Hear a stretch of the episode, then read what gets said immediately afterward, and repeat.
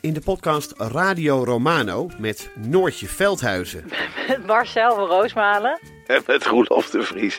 brengen we alle drie elke week een zogenaamde signalering mee. Wat heb jij nou weer bij je? En aan het eind bepalen we wie de winnaar van de week is. Echt een angstcultuur Lege huls die je er bent? Ja, dat gaat eigenlijk altijd onvriendelijk. Luister nu naar Radio Romano bij Podimo. Via podimo.nl slash Radio Romano luister je 30 dagen gratis. Mijn naam is Botte Jellema. Jouw naam is Ipe Driessen. Wij zijn van de Eeuw van de Amateur. De Eeuw van de Amateur is een podcast die gaat over... Alles. Het is een eh, podcast over levenskwesties die je niet kunt googlen. Een soort licht neurotische blik op het leven. Het is een podcast met humor. Jezus. Kijk, een grapje. Die, die vragen durft te stellen en die je ook onbeantwoord durft te laten. Mooi. met een regenboogvlagje. Dat, dat noem je queerbot. Dat het een regenboogvlagje, dat klinkt echt als een soort... Eh, ik bedoel, iedereen is welkom. Kom ons luisteren in je favoriete podcast-app. Voordat we beginnen even het volgende. Eh, eh, dat vergeet ik namelijk heel vaak. Maar ik kan dit programma eigenlijk niet maken zonder jullie steun. Dus word lid van Man met de microfoon. Dat kan bij petjeaf.com. En onthoud, eh, je kan daar maandelijks een bedrag over maken. Maar ook gewoon eenmalig een bedrag. Dat zou ik zelf dan eh, bijvoorbeeld prefereren. En dan denk ik altijd, ja, wat was nou een ontzettend goede theatervoorstelling. Wat kostte dat vorig jaar? Bam, dat bedrag doe ik. Het staat allemaal in de show notes. En dan kunnen we nu beginnen. Dit is Man met de microfoon. En hij is met Paulien en Wiek een jaar in Sheffield. En we gaan naar het centrum van Sheffield, waar veel gebouwen van de universiteit staan. En als het goed is, sta jij daar, Chris. En zeg maar, ja, aan wie het is nu. Het is aan jou, Paulien. Vertel waar we zijn. We zijn nu bij het gebouw waar mijn kantoortje in is, want ik heb hier een kantoortje. ik, heb nog nooit een kantoor, ik heb nog nooit een kantoortje gehad, dus best wel bijzonder. En ik heb nu ook een pasje en een lanyard. En een lanyard, dat is Dat is zo'n, keycord. ja, maar steeds vaker noemen Nederlanders dat ook een lanyard, valt mij op. Een keycord, maar dan eigenlijk niet met een key eraan, maar met je pasje.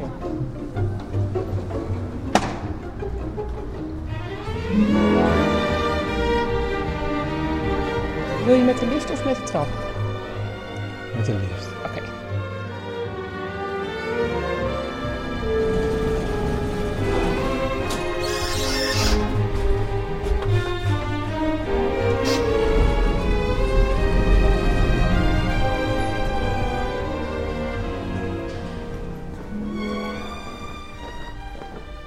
Er hangt een postertje op de muur met daarop Pick Dutch. Een hand die een tulp Ja. vasthoudt. En ook een poster van het vak Resist. Dat gaat over de Art of Protest in Berlin en Amsterdam. Dat is een samenwerking tussen de vakgroep Duits en Nederlands. En dan gaat het onder andere over Provo. En dat is voor de. Je hebt hier heel veel activistische studenten, dus die vinden dat ook heel inspirerend. Provo-beweging.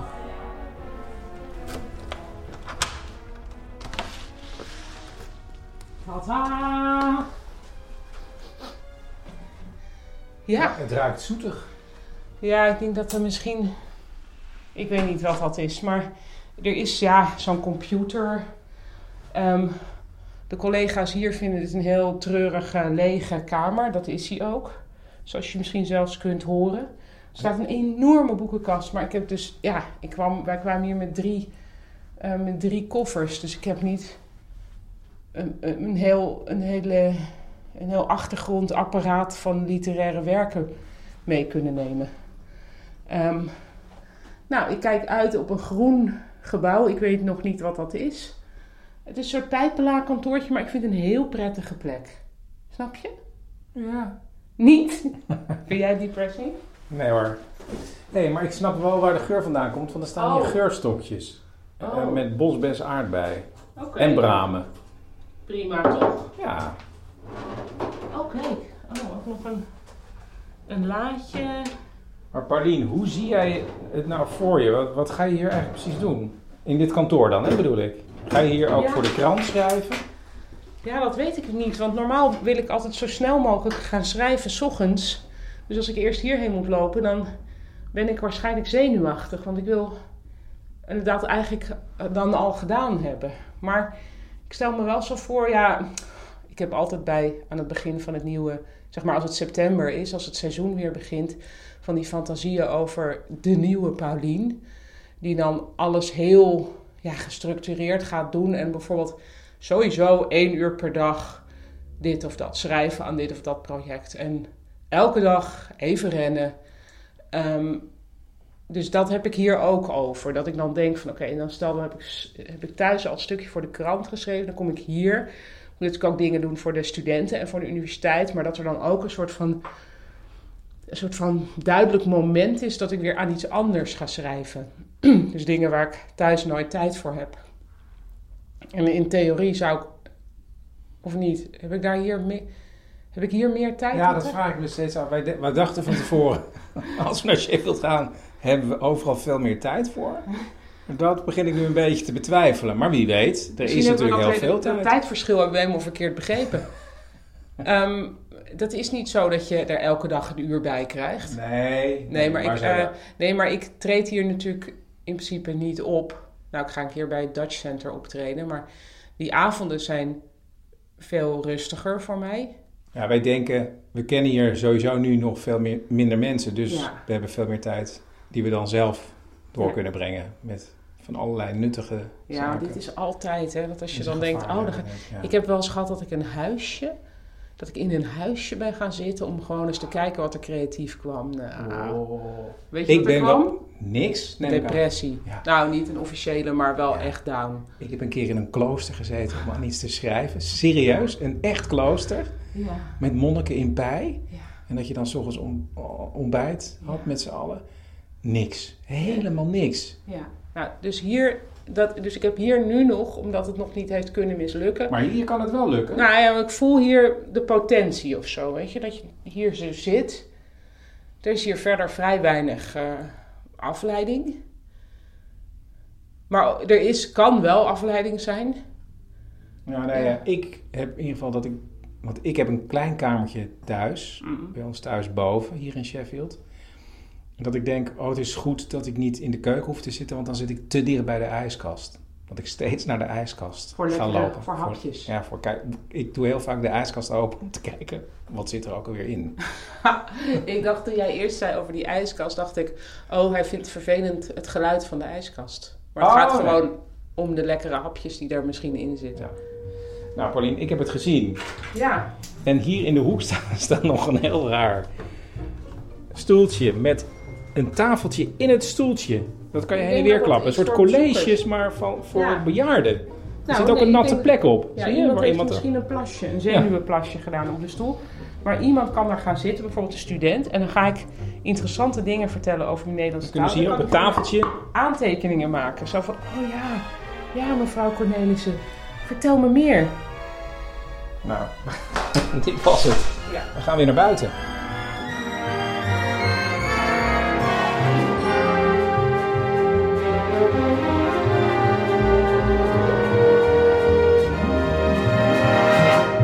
Ja, Pauline, dat was een bezoekje aan je werkplek. Maar dat, toen was er nog niemand. Maar inmiddels heb je ook mensen ontmoet. Ja, ik moest dus vandaag naar een borrel. Want ik had, oh, nou, je kent me natuurlijk niet heel erg van borrelgeluk. Nee. Ehm, maar ik dacht van ja, ik moet daar toch wel heen. En dat bleek toen in een, ehm, had eigenlijk in een zaaltje moeten zijn, maar was verplaatst naar een soort best wel kleine kamer. Waar dan heel veel mensen op elkaar geperst stonden. En heel akoestisch uitdagend. Dus je werd eigenlijk meteen helemaal gek van het geluid. Maar de mensen waren wel aardig. En die hadden dus allemaal iets met talen. Dus dan was er weer iemand die deed dan Slavische talen. En iemand deed Duits. En er was ook zo'n tafeltje waar dan één student achter was gezet. Voor, met dan heel veel drank. En dan ook een pak sinaasappelsap. Echt heel veel drank. En dan een paar kleine bakjes met nibbles. Zoals kleine popcorntjes of van die mini pretzeltjes. En bij elk individueel bakje stond dan daaronder een vrij uitgebreide allergieinformatie. Zo van of er noten in zaten en zo. Vond ik ook heel typisch. Dat zou in Nederland, zou er denk ik gewoon een zak chips worden opengetrokken. En zou er ook niet, denk ik, een student de hele tijd achter die tafel staan om dingen in te schenken. Want het was voor iets van, hoeveel mensen waren daar? Nou, misschien 25 op zijn hoogst. Super informeel. Ik vroeg ook nog aan iemand daarvan wat dit nu is. Maar dat heb ik bij borrels altijd. Van, is dit wat het is? Weet je, zo, dus dan sta je dus te Of praten. nog iets? Nou, gebeurt er nog Oh, iets, ja. basically. Dus ik vroeg van, is dit het? Of gaat iemand nog iets zeggen? Toen zeiden ze ook, nee, ik denk niet dat iemand iets gaat zeggen. Want dit is informeel. Nou, en toen vervolgens ging toch iemand iets zeggen. Maar het eerste wat hij ook zei was van, ik ga niet echt iets zeggen, want het is informeel. En toen ging hij dan toch weer afscheid nemen van mensen en mij welkom heten bijvoorbeeld. Maar dus moest de hele tijd benadrukt worden dat het niet formeel was. En maar wanneer begin je dan echt? Wanneer ga je je studenten zien? Ehm, nou, volgende week is echt de, de, hoe noem je dat? De intreeweek, zeg maar. En de week daarna begint het volgens mij echt.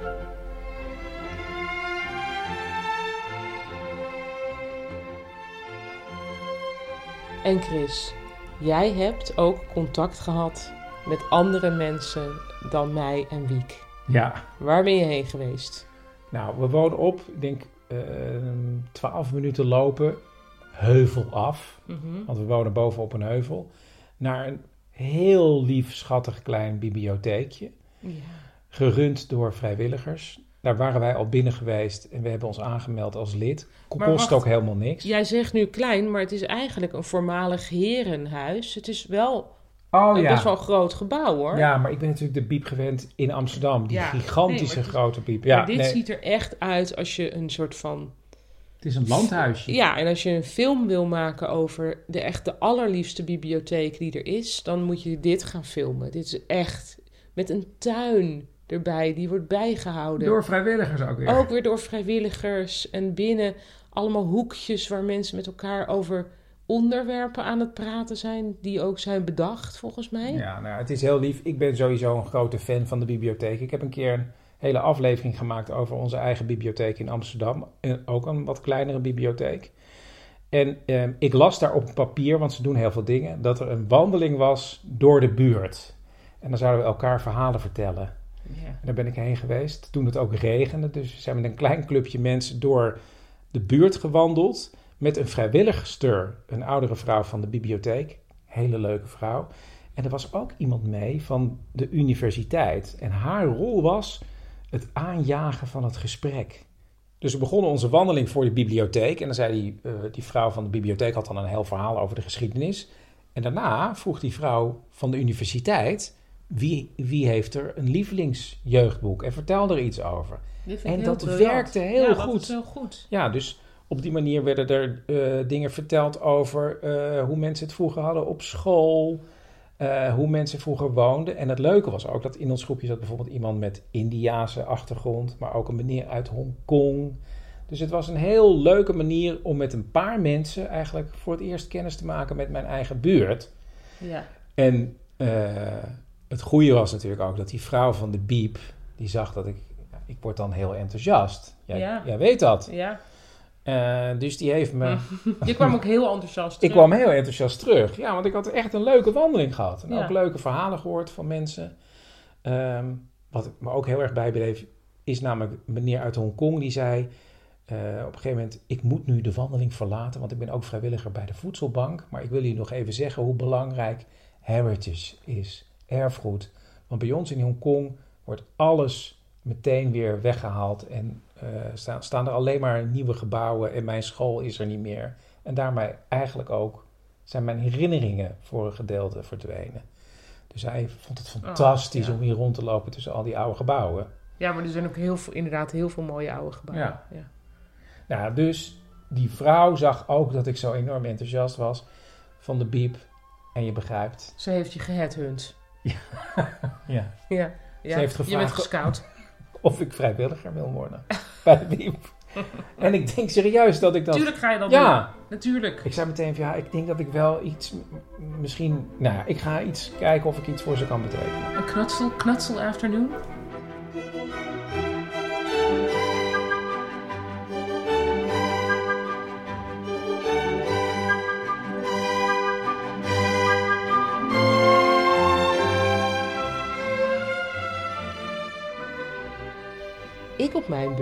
Heb ook nog iets met community gedaan. Want ik ben naar een lunchcore gegaan.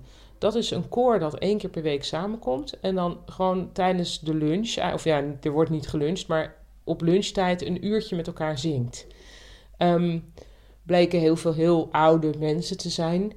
Maar een gemoedelijke sfeer. En ook wel echt dat er in een uur wel twee liedjes meerstemmig worden ingestudeerd. Zonder bladmuziek. Ehm, en wat ik heel grappig vond, was dat de dirigent van dat koor. Dat was een vrouw. En dat vind ik dat je die hier meer ziet. Eigenlijk dus iemand die er best wel saai uitziet. En dat je denkt, nou, ben benieuwd wat die gaat zeggen. En die blijkt super grappig te zijn. Dus echt een heel komische vrouw. Ik weet niet of het overkomt als ik het navertel, maar ik probeer het toch. En dan moet je, nou, dus je moet je voorstellen, super saaie vrouw. Die dan de stemvork pakt en dat zo tegen haar oor houdt. En dan zo soort van heel droog opmerkt van... Dit is mijn satellietverbinding.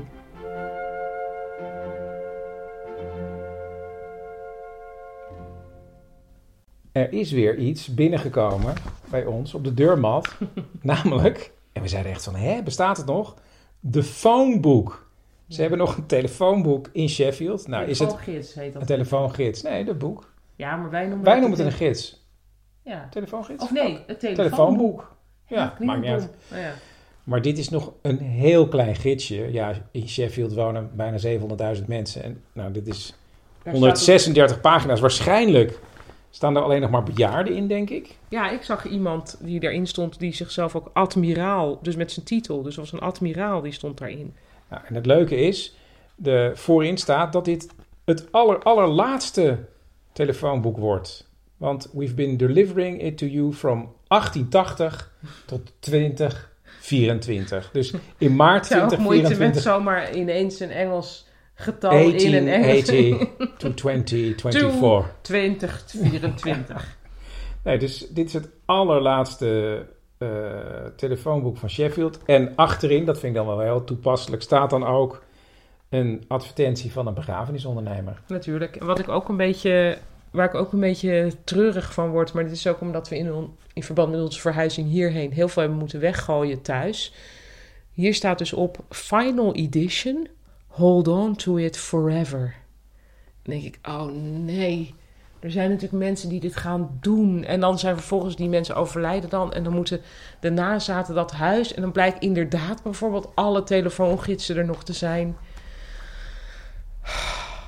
En dit is eigenlijk ook weer iets heel Engels, dat ze heel lang vasthouden aan iets. Ja. Want mij viel op dat aan het begin van onze straat, helemaal onderaan de heuvel, is nog een telefooncel. Dat heet telefoonbox.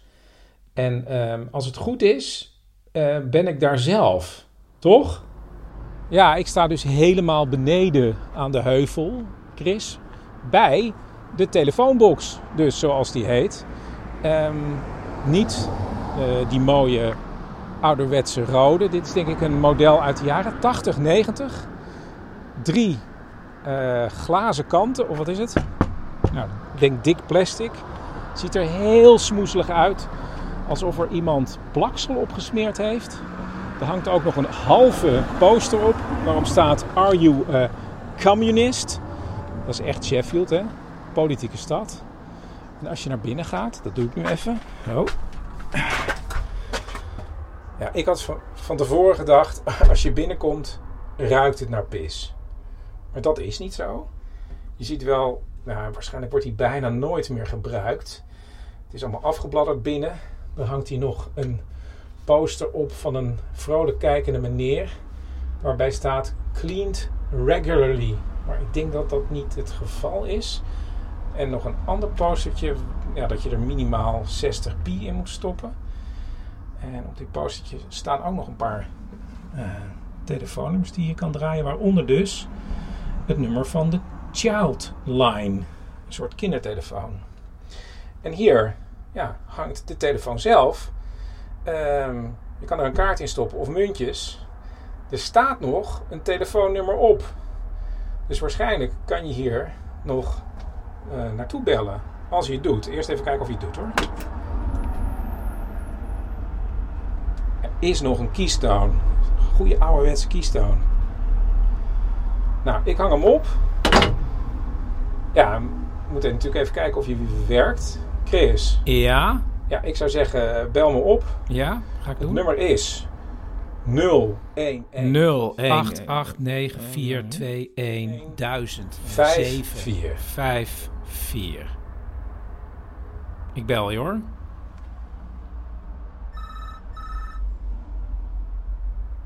Ja, neem nou even op, hij gaat toch over? Chris, Ja? ik, eh, ik neem het vanaf hier weer even over. Oh, Ja? ehm, Is goed? nou ja, prima. Want dan kan ik iets vertellen Goed? Over de rode telefooncel. Dus Oké. dan kan je Ja, weg. precies. Ja? Dan, dan hang ik nu op. Precies. Oh, tot later. Tot later. Doeg. Doeg.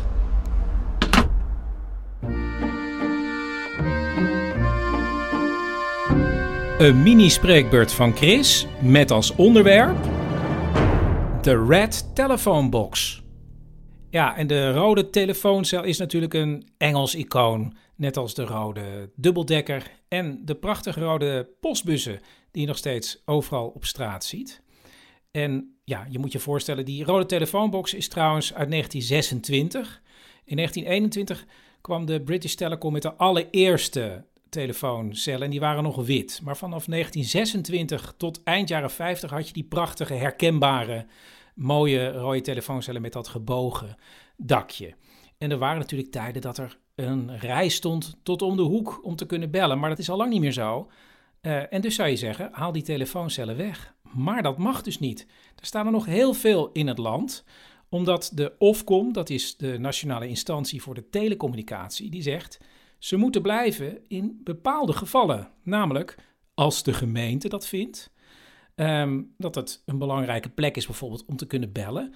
Eh, zo zijn er plekken in het land, ergens in een wildernis, waar helemaal geen ontvangst is met je mobiele telefoon. En dan is het heel handig in de buurt van een klif bijvoorbeeld, als er een telefooncel is. Er zijn van die verhalen van zo'n klif dat iemand eraf stortte en zijn vader die rende naar beneden en die zag een telefooncel en die belde en toen was eh, zijn zoon alsnog gered. Eh, er zijn dus eh, plekken waar geen ontvangst is, dus daar staan telefooncellen. Ehm, en er is ook een regel als er meer dan 52 keer per jaar gebeld wordt vanuit zo'n cel, moet die ook blijven staan. En dus op bepaalde plekken in de stad als de gemeente dat wil. Want het blijkt ook dat er eh, heel veel gebeld wordt, ik zei het net al, met de kindertelefoon. Dat nummer staat in die telefooncel en dat is niet voor niets. Want een paar jaar geleden werd er nog 25.000 keer per jaar gebeld naar de kindertelefoon vanuit zo'n rode telefooncel. Maar je kan begrijpen dat gemeentes heel erg in de gaten houden. Ja, als er nou echt een soort eh, duistere telefooncel ergens staat. Er was er bijvoorbeeld een in Nottingham waar meer dan 3000 keer per jaar gebeld werd in een soort achterstandswijk. Toen zei de buurt, ja, dat is gewoon drugshandel. Iemand van British Telecom zei, ja, het zouden ook toeristen kunnen zijn. Maar dat dachten de mensen daar zelf niet. Maar dus het is wel zoiets van, ja, als hij heel erg verloedert, dan proberen ze hem natuurlijk wel weg te halen. Ik las ook het verhaal van een telefooncel die maar door één meneer gebruikt werd. Dat was Eric Dewhurst, die woonde ergens in Lancashire in een bungalow. En die wilde zelf geen telefoon aanschaffen. Soms gaven mensen hem een mobiele telefoon. En dan zei hij, nee, nee, dat hoeft ook niet. Want er staat gewoon een telefooncel tegenover mijn huis. Ging hij elke ochtend daar naartoe met een stoeltje. En dan ging hij met zijn broer bellen en zijn twee nichten. En als het dan winter was, dan nam hij een extra dikke jas aan en eh, warme laarzen. En toen die meneer Eric Dewhurst overleed in 2019, ja, toen was de one-man box ja, doelloos geworden. En nu is hij omgebouwd tot mini-bibliotheek. En daar komt het volgende. Want er is dus, en dat las ik in onze krant, hier in Sheffield, in The Star, dat je voor één pond een cel kunt adopteren. Er zijn tien van dat soort oude telefooncellen die daar in de buurt hiervoor in aanmerking komen.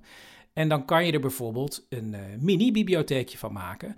Uh, of, dat gebeurt heel vaak in het land, uh, dan wordt er een defibrillator in opgehangen. Of soms is het ook een mini-museumpje. Ik dacht, dit is een hele nieuwe actie. Maar het blijkt bij nazoeken dat British Telecom daar al in 2008 mee begonnen is. En um, toen was er in 2013 een keer een meneer En die heeft er ook heel veel gekocht voor zijn goede doelenstichting. Die heette Thinking Outside the Box. Nou, dan wilde hij iets goeds mee doen voor de community. Maar wat bleek na eh, jaren, vorig jaar kwamen ze erachter dat die man, die verhuurde ze inmiddels voor 400 pond per maand. Als je een eh, startbedrag betaalde van 1500 tot 4200 pond. En dan verhuurde hij dat aan mensen die er bijvoorbeeld sandwiches wilden verkopen. Of het gebruikt als een kleine opslagplaats voor een pakketdienst. Het is zelfs zo dat hij een aantal van zijn telefooncellen een tijd geleden aanbood. Dat waren telefooncellen in de buurt van de Brighton Pier. En die kost toen 10.000 pond per stuk.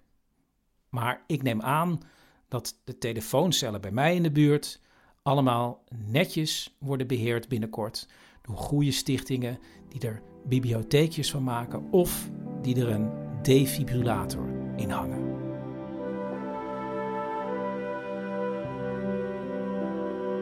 Tot zover de uh, telefoonbox van Engeland.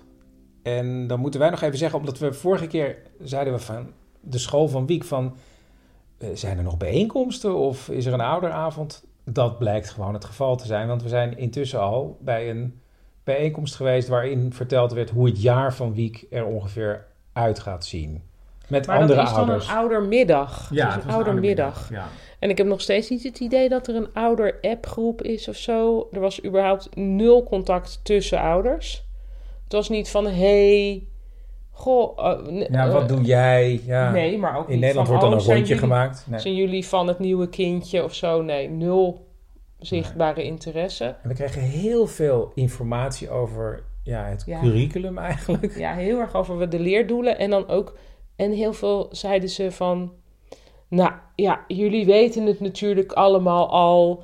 Ehm, de communicatie gaat... En dan kwam er dus weer iets heel... Wat wij totaal niet wisten natuurlijk, want wij zijn nieuw. Maar er waren wel vier momenten dat de juf die dit deed, die presentatie, dat hij eigenlijk iets verontschuldigends over zich had van dat ze dit soort ongelooflijk basic informatie nog moest delen.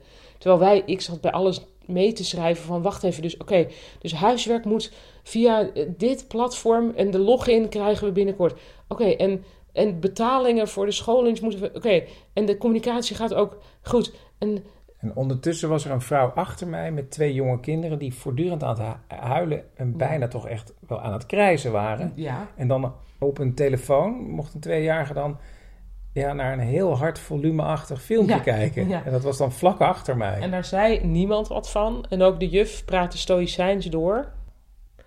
Wat ik wel grappig ook vond, want in Nederland heb je natuurlijk altijd de ouderavond. En dan eigenlijk, ja, je zoekt het maar uit wat je dan doet. Dan moet je dus een oppas regelen of één van tweeën gaat naar die ouderavond. Maar hier was het dus 's middags. En dan werden alle kinderen uit de klas opgevangen in, de, in een ander klaslokaal. Met de meester erbij. En wij kregen dan de informatie. Dus zelfs dat is een soort ziet die school als van ja, als wij jullie hier vragen, dan kunnen we niet zo, dan moet er iets met Nou, die kinderen. goed geregeld. Vond ik Ja. wel grappig eigenlijk. En dat was het dan eigenlijk eh, even voor deze week. Maar we kijken alvast heel kort naar volgende week. Want dan kom jij terug. Leg maar even uit. Uit Parijs. Want Ik ben gescout door Sorbonne. Nee. nee. Ehm, ja, wat is het? Ehm, ik heb een visum om hier te werken. Sinds Brexit moet dat natuurlijk. Maar ehm, er ontbreekt een stempel in mijn paspoort. Want dat visum alleen is niet genoeg. Het paspoort moet ook gestempeld zijn. En gek genoeg is de enige manier om daar om aan dat stempel te komen. Ik dacht eerst van, nou dan ga je dus terug. Wij, wij zijn met de boot gekomen. Dan ga je terug naar Hul, waar je binnenkomt. Haal je daar een stempel. Dat kan allemaal niet. Je moet echt het land uit. En je mag ook niet naar Ierland. Want dat hoort bij een soort convenant. Waardoor het niet echt... Weet ik veel. Weet ik ook niet. Anyway. Lang verhaal kort. Ik moet eh, echt naar een ander buitenland. En omdat ik dus dat dan liever niet vliegend doe... ga ik naar de dichtstbijzijnde bestemming per trein. En dat is Parijs. Nou, Brussel zou ook kunnen, maar Parijs lekker eten tot, ja, hoe, het, hoe dat er geweest is, horen we dan volgende week. Tot volgende week. Ogen voor.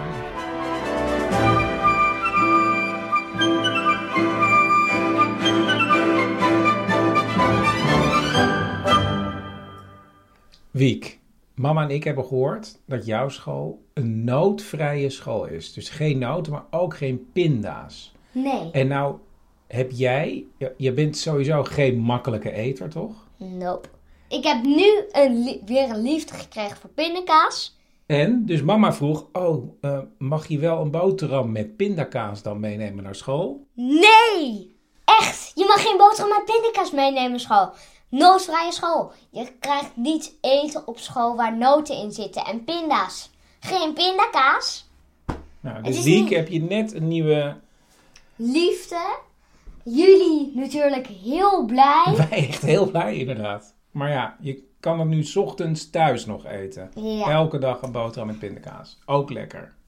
Ik denk dat dan mijn grote liefde weer omlaag zakt. Oei, oei, oei.